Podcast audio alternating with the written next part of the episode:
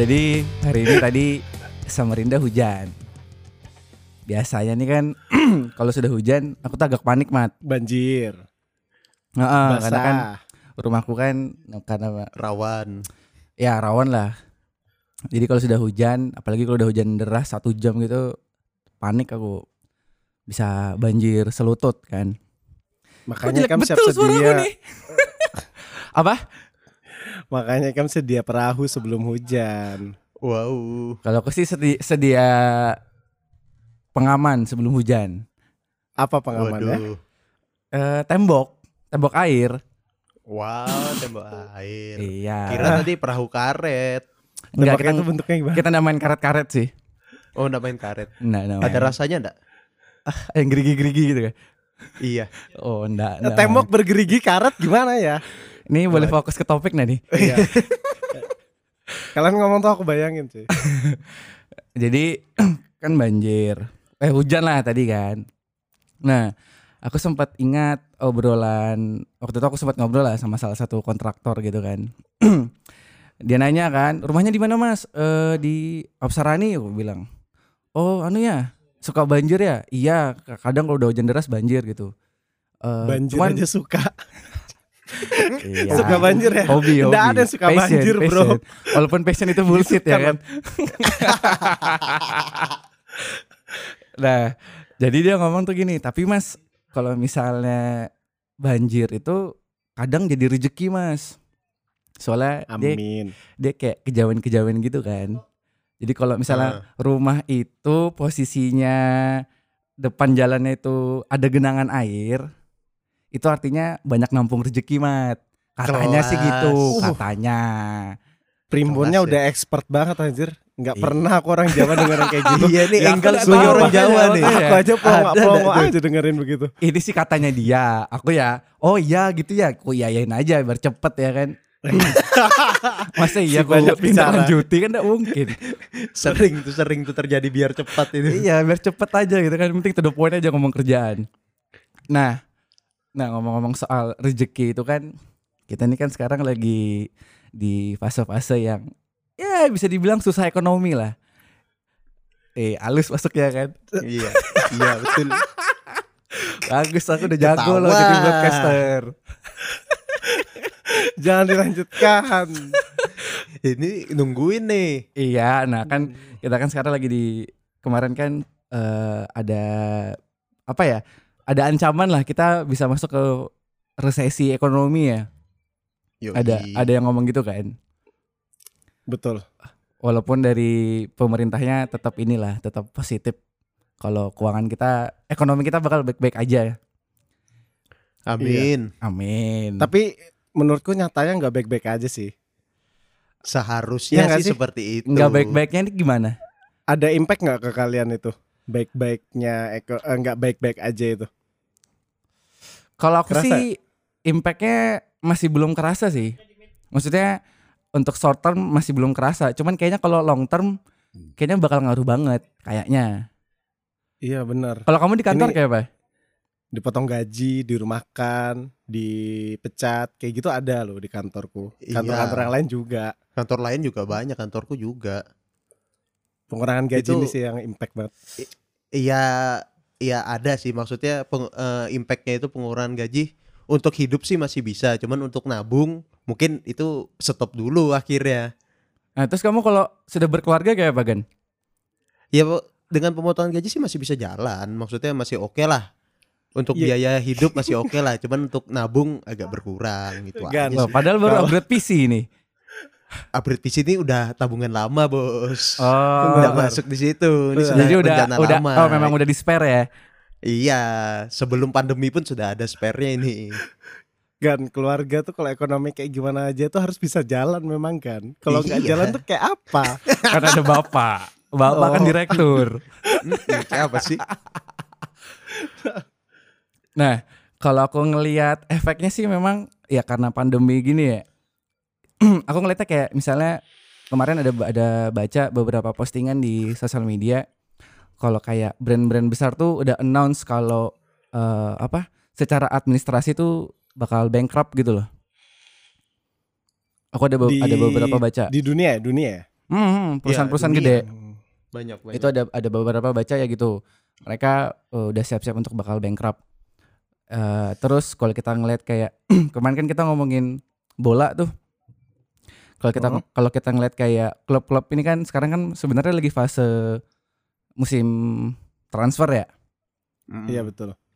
Nah, aku tuh ngelihatnya kayaknya ini nggak bakal kayak musim-musim sebelumnya sih untuk transfer pemain jor-joran tuh kayaknya nggak bakal nggak bakal terjadi deh. Ya terjadi sih, harganya tapi cuman tim-tim besar. Kalau tim-tim kecil yang keuangannya juga ngepres-ngepres, kehilangan tiket penonton, pendapatan di tiket penonton juga pasti berasa lah. Tapi sebenarnya kalau aku ngelihat ini kalau aku ngeliat karena aku fansnya Juve kan seperti yang aku jelaskan kemarin. Wow. Aku ngeliat kayak kemarin. kayak Juve ini aja itu tuh sudah mulai eh, ngeram-ngeram gitu loh. Ya aku kalau ya- menurutku fans gede eh fans gede eh, klub sepak bola gede pun juga pasti ada impactnya sih kan. Iya, tapi kan Soalnya kan tergantung- signifikan. Benar tergantung BC eh, background ownernya kan background yang punya Mm-mm. itu atau CEO-nya. Nah kebetulan memang ownernya Juve ini visioner. Jadi mereka ngelihatnya wah ini kalau kayak gini terus nggak bisa nih transfer musim ini nih jor-joran nih kita harus hemat. Nah jadi aku tuh ngelihatnya anjing ini klub gede loh maksudnya yang pendapatannya udah ya ya miliaran lah gitu kan. Ya, Itu tuh jodoh. sponsor di mana-mana. Sponsorship dari eh, untuk di jersey berapa, sponsorship di stadion berapa, penjualan jersey berapa kan kayak gitu tuh kan. Ya walaupun memang penjualan tiketnya ya berkurang lah ya karena nggak ada Hmm, penonton pasti. ya kan. Paling Itu cuma berkurangnya lumayan tuh. Apa? Berkurangnya gede tuh. pasti Banget lah, gede. banget lah. Cuman kan maksudnya nggak yang langsung berkurang semua kan. Iya benar. Ada salah satu aspeknya yang berkurang gitu loh. Nah aku tuh ngelihatnya anjing ini klub segede Juve aja dan klub-klub lainnya aja udah mulai ngerem-ngerem nih gitu kan. Apalagi kita nih yang rakyat jelata cuy. Iya kan? Nggak ada resesi ekonomi aja udah ngerem-ngerem bro. Iya makanya gitu loh nggak ada resesi aja kita udah ya let's say empot-empotan apalagi ada gitu kan nah terus aku ngeliat di beberapa waktu lalu termasuk sampai sekarang kemarin kan aku sempat mention soal Citra kan Ya. Aku ngo- ngomongin soal hegemoni Citra yang mulai banyak coffee shop itu kan nah Oh. yang aku lihat kalau di Samarinda eh, walaupun lagi pandemi gini itu banyak banget yang buka usaha kecil-kecilan atau bahkan levelnya udah meet up lah. Ya tidak bisa dibilang kecil kalau nyewa di Citra juga sih. Iya sih, iya sih. Lumayan itu bos. Enggak cuman kan kalau dibandingin sama brand-brand besar kan ya masih masih kecil lah ya gitu kan. Ya. benar. Ya seberapa itu mah biasa. Mungkin juga bagi bagi orang-orang kan ah bakar duit segitu aja mah kecil ya kan. Nggak bakar duit bro, mutar duit. Iya, maksudnya kan itu investasi. Iya, investasi bener. Nah, Bakar duit. cuman kita kita nggak perlu ngomongin soal investasi aja nih. Kita ngomongin soal yang usaha-usaha kecilnya aja nih. Ini biar nggak jauh nih. Dan Ini kayak lama. MLM nih Iya. investasi nih. Eh, MLM juga bisa sih. Cuman kan itu kan ada penipuan ya di situ ya. itu mah investasi Menipu teman. bodong. Menipu teman.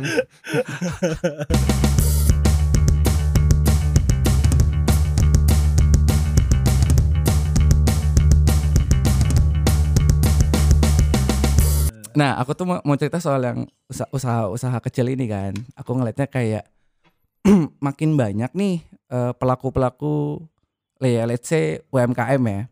Pelaku-pelaku UMKM di Samarinda makin makin bejibun lah. Aku sempat mikirnya gini, kalau misalnya semua orang berusaha menjadi penjual, bikin UMKM gitu ya. Kalau semuanya jualan, yang beli siapa boy? Ya barter barter. Yang jualan yang beli juga beli Iya tempat barternya lewat lain. sosmed lagi ya. Iyo i. Iya, bener sih itu. kan itu. Enggak, ya, tapi bener juga tuh. Harusnya bisa apa ya namanya? eh jadi supplier di toko A, habis itu di toko A jadi supplier di toko B, kayak gitu kayak gitu nggak sih? Iya maksudku kan, kan- kalau misalnya semua jadi penjual, ini rantai makanannya nggak jalan mat, nggak muter, gitu loh. Hmm, masalahnya beberapa kan end produknya hampir sama semua Hampir kan. sama semua, Iya, bener. kalau Hampir Di situ sama, soalnya. ya. Itu aku aku jadi mikirnya, ya misalnya kayak aku kemarin bilang kakakku jualan kopi, terus makin menjamur nih yang jualan kopi. Ini kalau misalnya jualan kopi semua, emang ada yang beli? Itu yang pertama, ya kan? Terus yang kedua, kalau misalnya semuanya jualan kopi, Makannya kopi. ya enggak. Maksudku enggak ad, emang enggak ada rantai rantai bisnisnya gitu loh. Masa semua harus menjual end produk? Maksudnya kayak Iya, ya semuanya harus menjual kopi utuh, produk jadi gitu loh. Enggak ad- enggak ada nih kayak yang mau mikir untuk gabung di supply chain-nya gitu loh. Ngerti kan maksudku kan? Iya, Hmm, benar benar hmm. benar. Tuh. Nah, Tapi- cuman apa? Hah? Enggak itu tergantung strategi marketingnya juga. Iya, tapi kan aku mikirnya gini, tinggal secara makronya nih kelas bahasa ekonomi sekali. Iya, iya ekonomi makro ya disinggung. ya. Luar biasa Maksudku sih. kalau secara makro, mis semuanya menjual end produk. Yang supply siapa?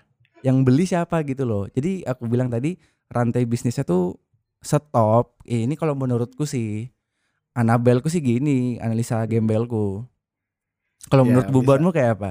Tapi seharusnya sih ini eh, istilahnya banyak yang seragam lah ya sekarang kan yang jualan kopi nih. Semua Bahkan ja- seragam. Jangankan Da, da, yang da, lokal da, da, di da. Samarinda, Anjing lupa lirik. di di secara nasional aja yang franchise aja kan mulai menjamur kan. Banyak banget Ya, kopi betul. susu kopi susu ini kan. Ah. Menurutku sih kalau dibilang bertahan sampai kapan seperti ini ya itu kayak hukum rimba sih. Dilihat aja siapa yang bertahan, siapa yang marketingnya lebih kuat, siapa yang rasanya lebih konsisten, itu sih yang menang menurutku. Iya, Kalau untuk bertahan semuanya juga kayaknya nggak mungkin. Hmm, dari hmm. bertahan itu juga pelaku usahanya pasti punya strategi-strategi yang lain dong kalau misalkan dia kalah nih di hukum rimba itu tadi. Mm-mm, dia mungkin bisa banting setir, oh, Iya. mumpung masih ada modal yang yang masih diinvest di situ, mungkin produknya dirubah sedikit, ya itu bisa, bisa banget lah. Tapi kira-kira Bubunmu ada ke- ada kepikiran nggak, ada tercetus nggak? Kalau misalnya semua itu menjual end product karena gengsi. Pasti ada. Gengsi ya, gengsi. ya. Mau ngomong dada Gimana kan ya ragu kalau dong, ngomong membohongi gengsi? diri sendiri kalau ngomong dada itu. Kayak apa ya? Kalau gengsi saya belum pernah tahu ya gengsi orang jualan tuh gimana. Saya nggak punya duit sih. Kalau punya duit mungkin saya jualan juga karena gengsi gitu. Mm, Oh, kamu bukannya konsumtif ya? Kamu kan orangnya festif banget. Soju Yakult Wow. terus. Wow. Enggak, ya itu sih aku aku tuh ngelihatnya itu tadi ngomongin masalah supply chain tuh ya. Kayaknya nggak ada tuh yang mau nyentuh ke ranah ke ke ke bidang yang yang jadi suppliernya tuh kayaknya belum ada gitu loh. A- ada sih sebenarnya Ada, ada, tapi- nggak banyak, nggak sebanyak itu, heeh. Padahal demand-nya kan tinggi. Yoi. Wih, mantap. Berarti ekonomi yang banget nih. yang su- orang pelaku usaha yang supply chain itu tadi lebih lebih visioner daripada Iya, yang dia buat jelas produk lebih gitu. diuntungkan. ya dan Iya. dia juga lebih diuntungkan. Ah, Bagus enggak, lebih baik begitu. makanya kan kayaknya sebenarnya kalau kalau kita ngomongin secara nominal nih kalau menjadi supplier kan pasti secara ekonomi kan pasti lebih menjanjikan nih iya kan Iya benar. Apalagi kamu misalnya udah ibaratnya udah kontrak sama salah satu brand kamu bakal menjadi suppliernya untuk sekian waktu wah itu kan menjanjikan banget kan. Iya benar. Paling minusnya di utang-utangan doang ya. Tapi Pepsi yang punya kontrak sama Coca-Cola aja mundur dari Indonesia juga. itu karena apa Nggak tahu sih. Kamu kamu baca Secara- dia kamu nggak tahu aku kira tadi mau trivia tadi ini Aku dari Dia baca bukan trivia aja nih, dia Aku baca dari sudut pandang sudut pandang trivia kon, anu, konsumen Makanya. ngelihatnya kan secara penjualan seju- secara penjualan ecer jelas kan Coca-Cola sama Pepsi di Indonesia jelas menang Coca-Cola kan. iya Tapi biar bagaimana Pepsi punya kontrak ke KFC seluruh Indonesia bahwa eh, apa eh, minuman mereka memakai oh produknya iya, iya, iya, Pepsi. iya. Dengan kontrak itu pun mereka tetap mundur tapi mungkin karena Indonesia. karena Coca-Cola juga udah terlalu masif sih kayaknya Mm-mm. Ini Anabel Iya, ya, iya. lagi-lagi ini Anabel Iya, nih. Anabel. Nah, kan benar. kita dari sudut pandang Bisa konsumen jadi. aja ini. Iya. Iya benar. Nih kalau kalau kita breakdown eh, dari anu ya lah dari siapa telur siapa ayamnya gitu. Eh Ah. siapa telur siapa ayam duluan telur apa ayamnya gitu. kalau menurut kalian tuh lebih enak Coca-Cola atau Pepsi tadi? Itu subjektif kan? Kalau aku Iya, sih kurang, betul, leb- kurang betul. lebih gal. Tapi Kurang kalau misalnya lebih, ditanya bedanya kan? lebih suka mana? Aku kan dua-duanya suka nih. Aku kan peminum soda sekali kan. Soda banget. Yang Kalau aku lebih suka- enggak? Eh, Dikit. dulu, dulu ya. Oh, Sekarang iya, sudah iya. tidak. Dikit. Karena aku Dikit orangnya agamis kan sekarang kan. Kalau aku lebih suka Pepsi. Jujur aja, emang lebih suka Pepsi. Oke, itu hal yang subjektif. Tapi kamu nilai Pepsi lebih enak tuh dari mananya, Mi? Dari segi rasa, Wah, masuk gila. di lidah di awal kayak kopi Rasanya kan kayak gitu kan. Ada suaranya dong, ada suara airnya kayak- dong, rodong rodong rodong. Suara di depan soda. lidahnya tuh gimana, di bagian belakangnya tuh kayak gitulah lebih dapet gitu. Anjing, anjing. aftertaste yang ditinggal lebih kayak bong, mau meninggal. bodinya tuh Wow. kerasa banget gitu loh.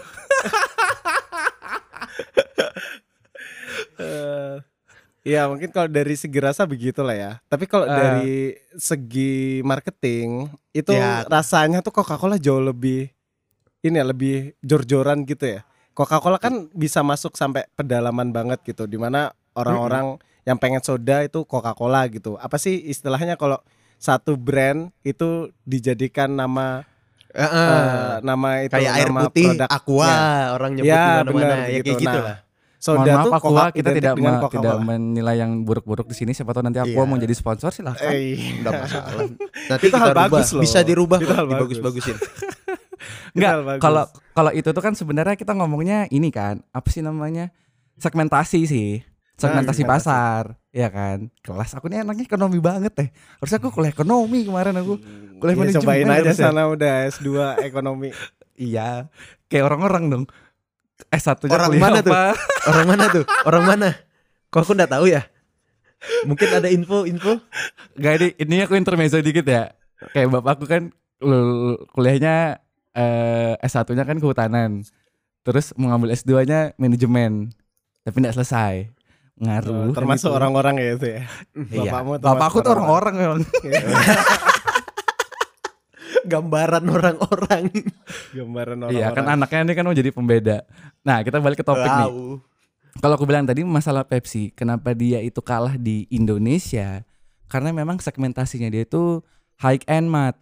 Menurutku ya, ini Annabelku. Betul. Maksudnya kalian pasti mas, pasti bisa ngelihat nih dari segi mereka pemasarannya, dari segi eh, brand brandnya itu brand image-nya tuh kelihatan banget gitu loh. Iya benar, benar banget. Itu tadi Tapi maksudku. memang menangnya Coca-Cola itu ya benar kata Enggal, masif dia dia promo secara masif itu sih yang bikin dia lebih mengena di menjangkau lebih banyak lah Iya, di karena Ibaratnya kalau kayak luas. zaman sekarang nih nge-spamnya lebih banyak lah. Yoi, yang Iya jualan-jualan Netflix, Spotify itu kan Ah, spamnya kan ah. lebih banyak ya kayak gitu. Ah, ah, gitu loh. Oh gitu ya, kalau mau jualan lebih bagus spamnya lebih banyak gitu ya. Tapi tergantung. Kalau memang Secara tidak langsung enak, sebenarnya gitu.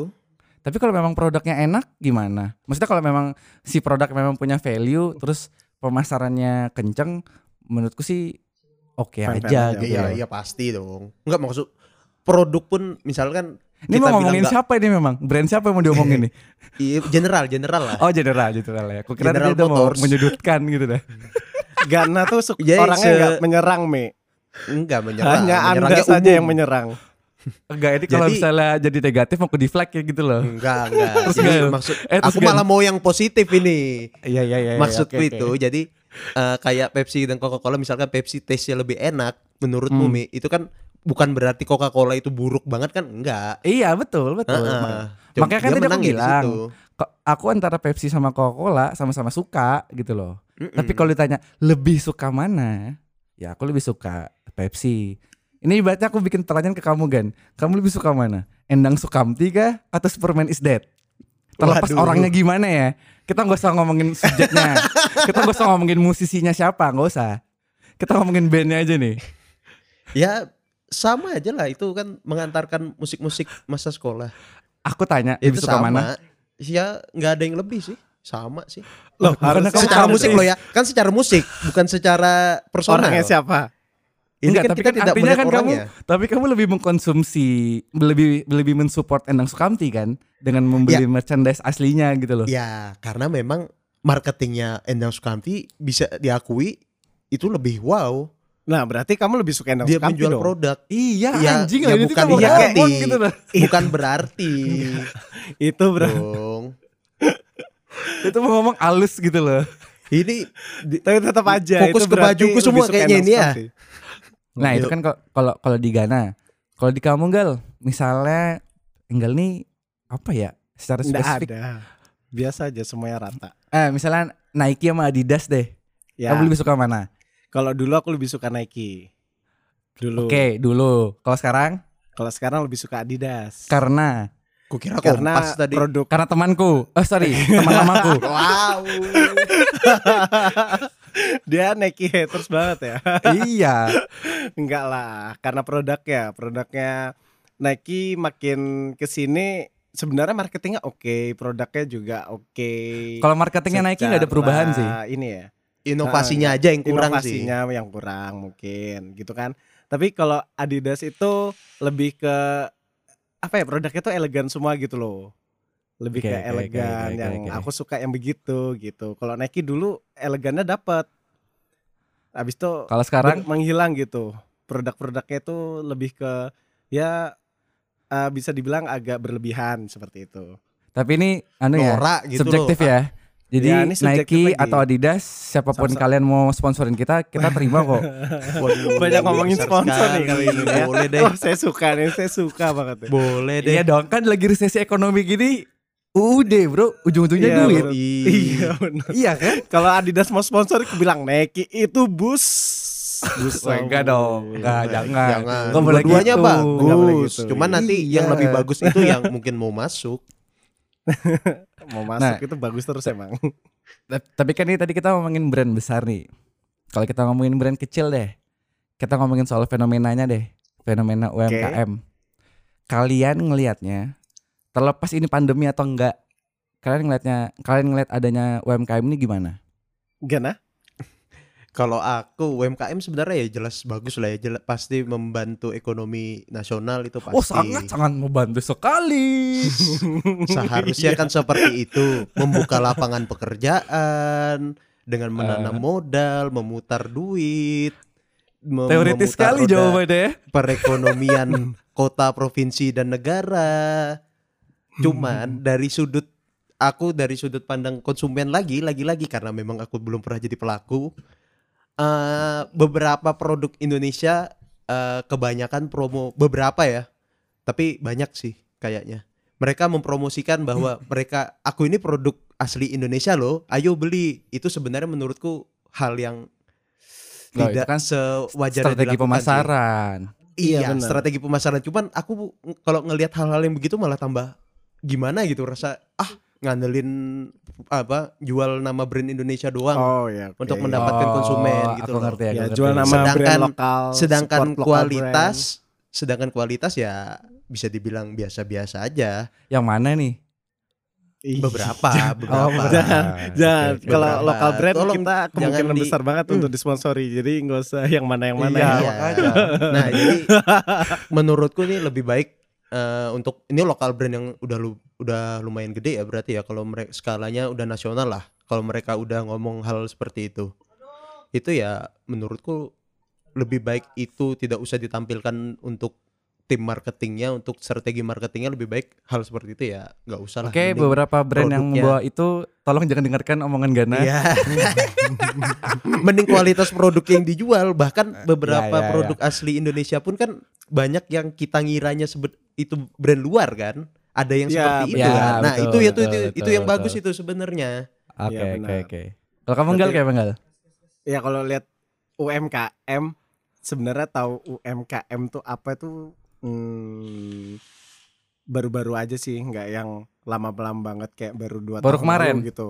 Nggak, baru kayak dua tahun lalu lah tahu ada nama sebutan UMKM, kirain nama usaha orang doang gitu. Padahal UMKM kan mikro kecil menengah kan ya, mikro Ah. kecil menengah UMKM, ya benar.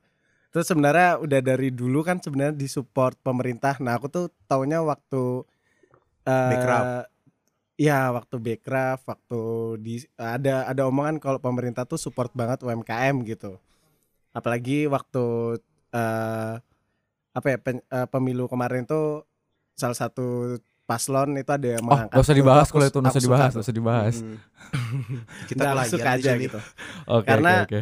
UMKM di Indonesia itu di negara kita nih rasanya UMKM tuh eh apa ya hal hal yang membuat negara semakin produktif nggak konsumtif gitu ya kan itu kan kalau kita produktif itu kan berarti hal bagus ya oh Betul, produktif betul, betul, nih betul. negara kita gitu Ah, kan. ah, ah, ah, Ya ah. berarti tinggal Ekonomi produknya meningkat. aja apakah benar-benar menjual atau tidak. Nah, Iya. benar, tinggal produknya aja. Yang penting kalau orang ada berinisiasi untuk membuat usaha, sebuah usaha UM, seperti UMKM gitulah, sebutan Hmm. UMKM, itu harus selalu aku apa pun bentuk usahanya selalu support gitu. Mau Jelas. punya teman, mau nggak punya teman gitu kan sela- selalu mau support, tapi eh kita lihat produknya juga, ya kan?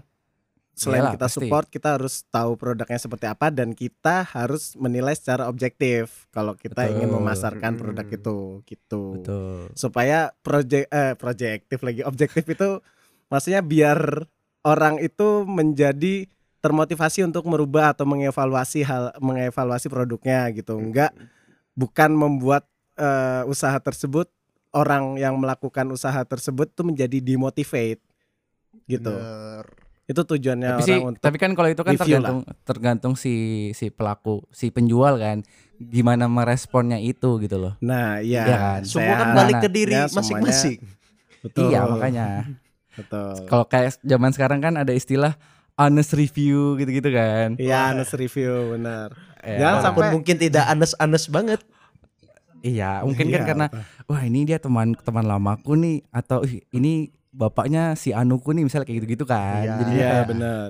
ah nggak enak loh kalau misalnya mungkin pribadi ngelihatnya aku mau kritik tapi kok nggak enak Iya, gitu benar. ya. Kecuali ke- balik lagi kalau kita disponsori produk Itu kita kasih honest review pasti bagus. Pasti, pasti. Tenang. Tenang aja. Pokoknya buat brand-brand baik yang lokal ataupun nasional ataupun internasional, sekali kalian berjualan eh pemasaran di sini dipastikan laku keras. Ini statement Kelas. ampas anjing. Jelas. Ini tim marketing, tim marketing brand-brand harus dengar ini sih. iya lah, harus lah. Harus sih. Ini banyak masukan-masukan buat mereka soalnya kan pembahasan Iya, kita ini kan. Betul, betul. Iya, benar. Membangun sekali ini. Ini nih, ini kayak jawaban kalian tadi kan aku ngambil garis besar kan ini ngomongin soal ak- ak- akhirnya kan ujungnya masalah produknya nih. Betul. Yoi. gimana kualitas si produk gitu kan. Walaupun terkadang, terkadang nih, contoh kayak Gana, Gana kan tadi bilang masalah pemasarannya Endang Sukamti bagus gitu loh untuk menjual merchandise-nya dia, Mm-mm. Cuman kalau kita ngomong so- apa pun itu. Tapi kalau kita ngomong secara kualitas, gimana Gan? ya Endang Sukamti pun sebenarnya ini kita ambil kasus Endang Sukamti deh. Dia pertama kali jual box set itu kan tidak seperti sekarang. Maksudnya box setnya secara tampilan oke, tapi secara kualitas itu sebenarnya biasa aja. Malah Tapi cenderung lambat laun cepat rusak. Tapi lambat laun di situ dia belajar, maksudnya menjadi bagus jadi bagus sampai sekarang. artinya Itu sih yang kulihat.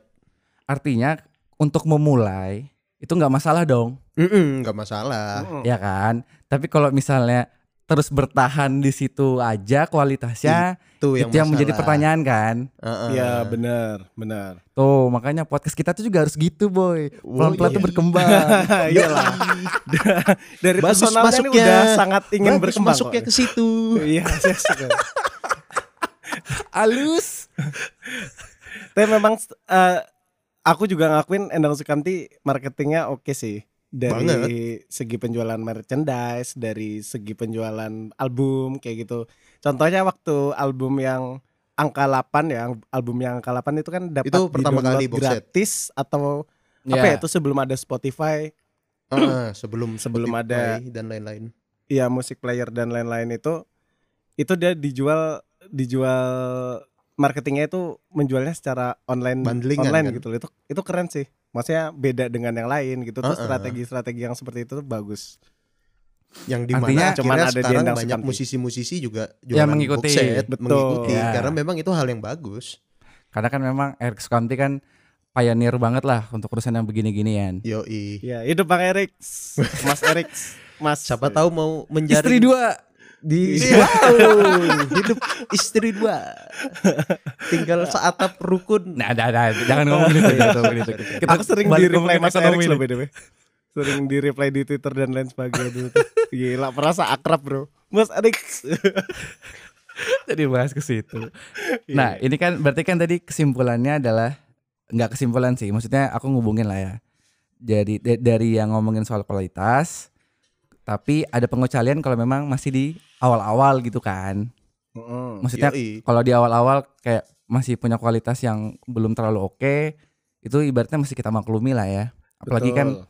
secara mungkin dari sisi pertemanan dan sebagainya ya pasti disupport terus kan pasti betul pasti. ya kan nah terus eh, yang menjadi PR adalah gimana caranya kita mengembangkan kualitas produk itu ya kan apalagi kayak di zaman sekarang kan maksudnya ya internet sudah begitu menjadi Luas. bagian dari hidup kita gitu kan pasti bisa lah maksudnya untuk untuk belajar eh cara mengembangkan si produk ini gimana gitu loh ya kan Mm, pasti bro. entah belajar dari pengalaman orang, entah dengerin podcast kita yang begitu bagus ini gitu kan Hmm. menjadi insight baru gitu penuh kan. dengan Berfaedah banget.